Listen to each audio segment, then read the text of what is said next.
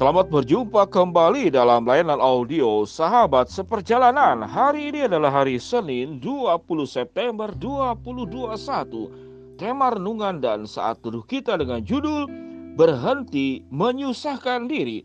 Berhenti menyusahkan diri. Firman Tuhan terambil dalam Matius pasal ke-6 ayat yang ke-34. Demikian bunyi firman Allah.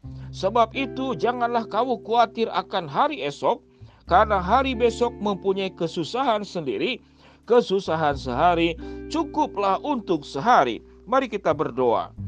Bapak yang di dalam sorga ya Tuhan, kami memang diajarkan oleh Tuhan untuk bertanggung jawab dalam kehidupan.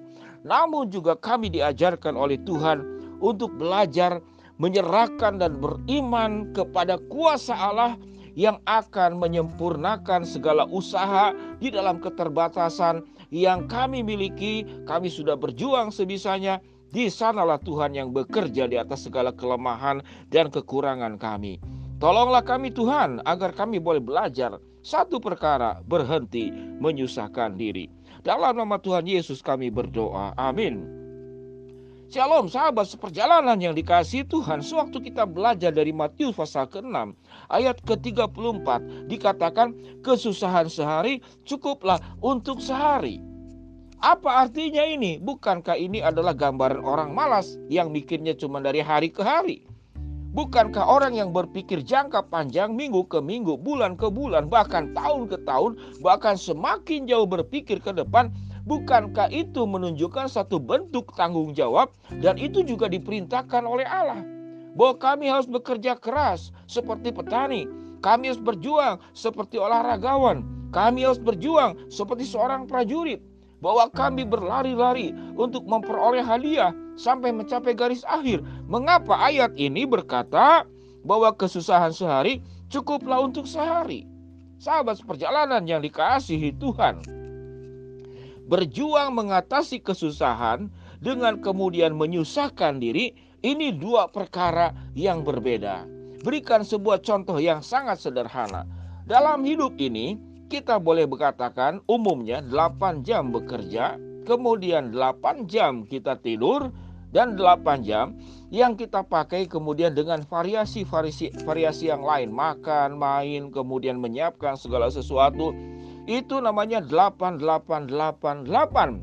Orang Tionghoa sangat suka sekali dengan yang namanya angka 8. Fa, fa, fa. Kalau udah bertemu dengan nomor mobil semuanya serba 8, maka itu dianggap serba rejeki. Sahabat seperjalanan bukanlah sebuah kebetulan bahwa Allah sudah mengatur sedemikian rupa. Ada waktu tidur, ada waktu bekerja, ada waktu beristirahat.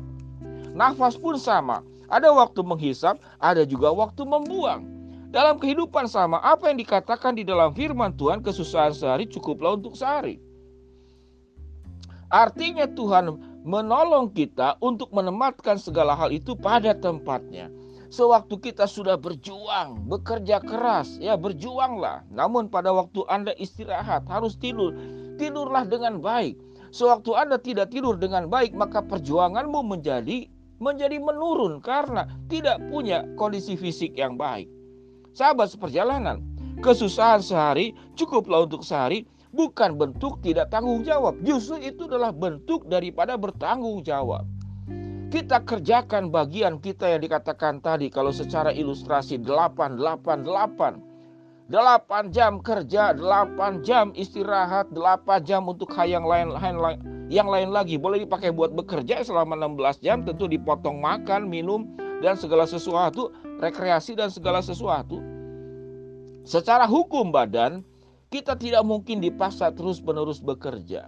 Tetapi juga jangan Anda 16 jam tidur, 8 jam tidak apa-apa, lalu tidak bekerja apa-apa. Artinya Allah mengajarkan segala sesuatu itu di dalam kebijaksanaan. Ada seorang sahabat seperjalanan yang baik hati, namun terlalu baik hati. Maka ini pun menjadi menyusahkan diri sendiri. Dia menolong tetangga, menolong sahabatnya sampai banyak yang berhutang kepada dia. Sampai kemudian hak-hak di dalam keluarga, untuk anak, untuk suami, menjadi kemudian tertarik untuk keluar. Di dalam penginjilan saja Tuhan berkata, jadi Aku memberikan roh kudus kepadamu. Jadilah saksiku di Yerusalem, Yudea, Samaria sampai ke ujung bumi. Ini ada urut-urutan Yerusalem, Yudea, Samaria sampai ke ujung bumi. Ini di dalam penginjilan. Dalam kehidupan kita juga sama. Dan dalam kita belajar tentang perumpamaan wanita bijaksana dan wanita yang bodoh. Waktu wanita yang bodoh itu meminta minyak kepada wanita yang bijaksana, apa yang dikatakan? Bukan diberikan minyak, nanti tidak cukup untukku dan tidak cukup untukmu. Sehingga tidak diberikan minyak itu. Sehingga di sinilah yang disebut dengan keseimbangan. Kapan kita memberi buat orang lain, maka itulah waktunya. Kapan kita harus mengurusi dulu rumah tangga kita sendiri, pribadi kita sendiri, kehidupan domestik yang ada di dalam diri sendiri, di dalam dulu, di dalam lingkaran dalam. Jangan menjadi orang luar biasa, menjadi seorang pahlawan buat banyak orang di berbagai tempat, namun engkau tidak bertanggung jawab kepada lingkup yang paling dalam. Sahabat seperjalanan yang dikasih Tuhan, kesusahan kita, kerjakan bagian kita. Kita ingat kembali yang disebut dengan 888. Kalau itu adalah bagian daripada kehidupan itu sudah diatur, ada bagiannya. Ada bagian kita berjuang setelah berjuang apa yang kita tidak mengerti di depan, maka serahkanlah kepada Tuhan. Itu yang dikatakan dalam firman Tuhan. Sebab itu janganlah kamu khawatir akan hari esok. Mengapa kalimat ini dikatakan? Karena Allah menjamin sesuatu yang tidak kamu ketahui. Allah akan menolong kepada sesuatu yang tidak sanggup kamu lakukan. Allah akan membuka jalan setelah engkau berjalan sedemikian rupa berusaha mengerjakan bagianmu. Maka Allah yang akan membuka jalan. Di sinilah adalah bagian-bagian bijaksana dalam hidup ini. Lebih daripada itu dikatakan jangan menyusahkan diri. Kalimat yang lebih tepat, hidup itu jangan menyusahkan orang lain, jangan juga terlalu menyusahkan diri sendiri. Karena sewaktu engkau susah dalam kehidupan, engkau pun juga menyusahkan orang-orang di sekitarmu yang harus mengurus engkau.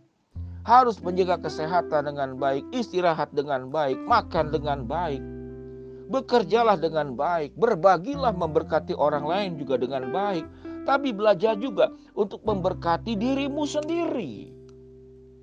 Kalau Yesus punya kehususan, karena Yesus punya panggilan khusus, dia memang melupakan seluruh dalam dirinya. Dan itu tidak bisa dikerjakan oleh siapa pun kecuali di dalam diri Yesus yang lahir sampai mati di atas kayu salib. Benar-benar tidak memikirkan dirinya. Namun apa yang dilakukan oleh Yesus itu berdampak luar biasa. Karena dia Allah. Tidak ada yang bisa melakukan perkara melebihi yang Yesus lakukan. Menyelamatkan kita. Sedangkan yang kita lakukan kerjakanlah bagian kita. Apa yang tidak bisa kita kerjakan itu Yesus yang akan mengerjakannya. Kalau kita, kita, kalau kita tidak bisa, ada Yesus yang mengerjakannya. Kalau Yesus tidak perlu ditolong oleh siapa pun juga, karena dia adalah pribadinya Allah yang memberikan dirinya sepenuhnya. Dia bukan menyusahkan diri. Tuhan bukan menyusahkan diri. Tapi Tuhan mengorbankan dirinya untuk kita semua. Sahabat seperjalanan. Di tengah-tengah setiap persoalan yang ada. Biarlah kita seimbang. Seimbang waktu istirahat, istirahat. Waktu buat diri sendiri-sendiri. Biarlah kita jangan menyusahkan diri. Kerjakan bagian kita sebisa-bisanya. Semaksimal mungkin maka Allah akan bekerja menyempurnakan apa yang tidak sempurna yang kau lakukan. Tuhan akan membukakan sesuatu yang gelap buatmu, namun terang di hadapan Allah. Biarlah engkau mengerjakan bagianmu. Kekhawatiran, kecemasan yang berlebihan, kita buang jauh-jauh. Kerjakan bagian kita, belajar kesusahan sehari, cukuplah untuk sehari. Ada bagianmu adalah bagian Allah. Jangan menyusahkan diri. Mari kita berdoa. Bapak yang di dalam sorga ya Tuhan hamba berdoa buat sahabat seperjalanan agar belajar bijaksana di dalam memikirkan, kemudian mengkhawatirkan, mencemaskan, kemudian ketakutan di dalam hal-hal tertentu. Biarlah kami boleh bersikap secara proporsional. Ada bagian kami adalah bagian Allah. Kami mengerjakan bagian kami, selebihnya Tuhan akan mengerjakan bagiannya Tuhan. Hambamu berdoa, buat yang sakit Tuhan jamah sembuhkan. Buat yang sedang menghadapi masalah Tuhan bukakan jalan buat sahabat perjalanan yang sedang berdoa memohon sesuatu, Tuhan akan kabulkan sesuai dengan waktu dan rencana Tuhan. Di dalam nama Tuhan Yesus kami berdoa. Amin. Shalom sahabat perjalanan yang dikasihi Tuhan. Tuhan memberkati kita semua. Amin.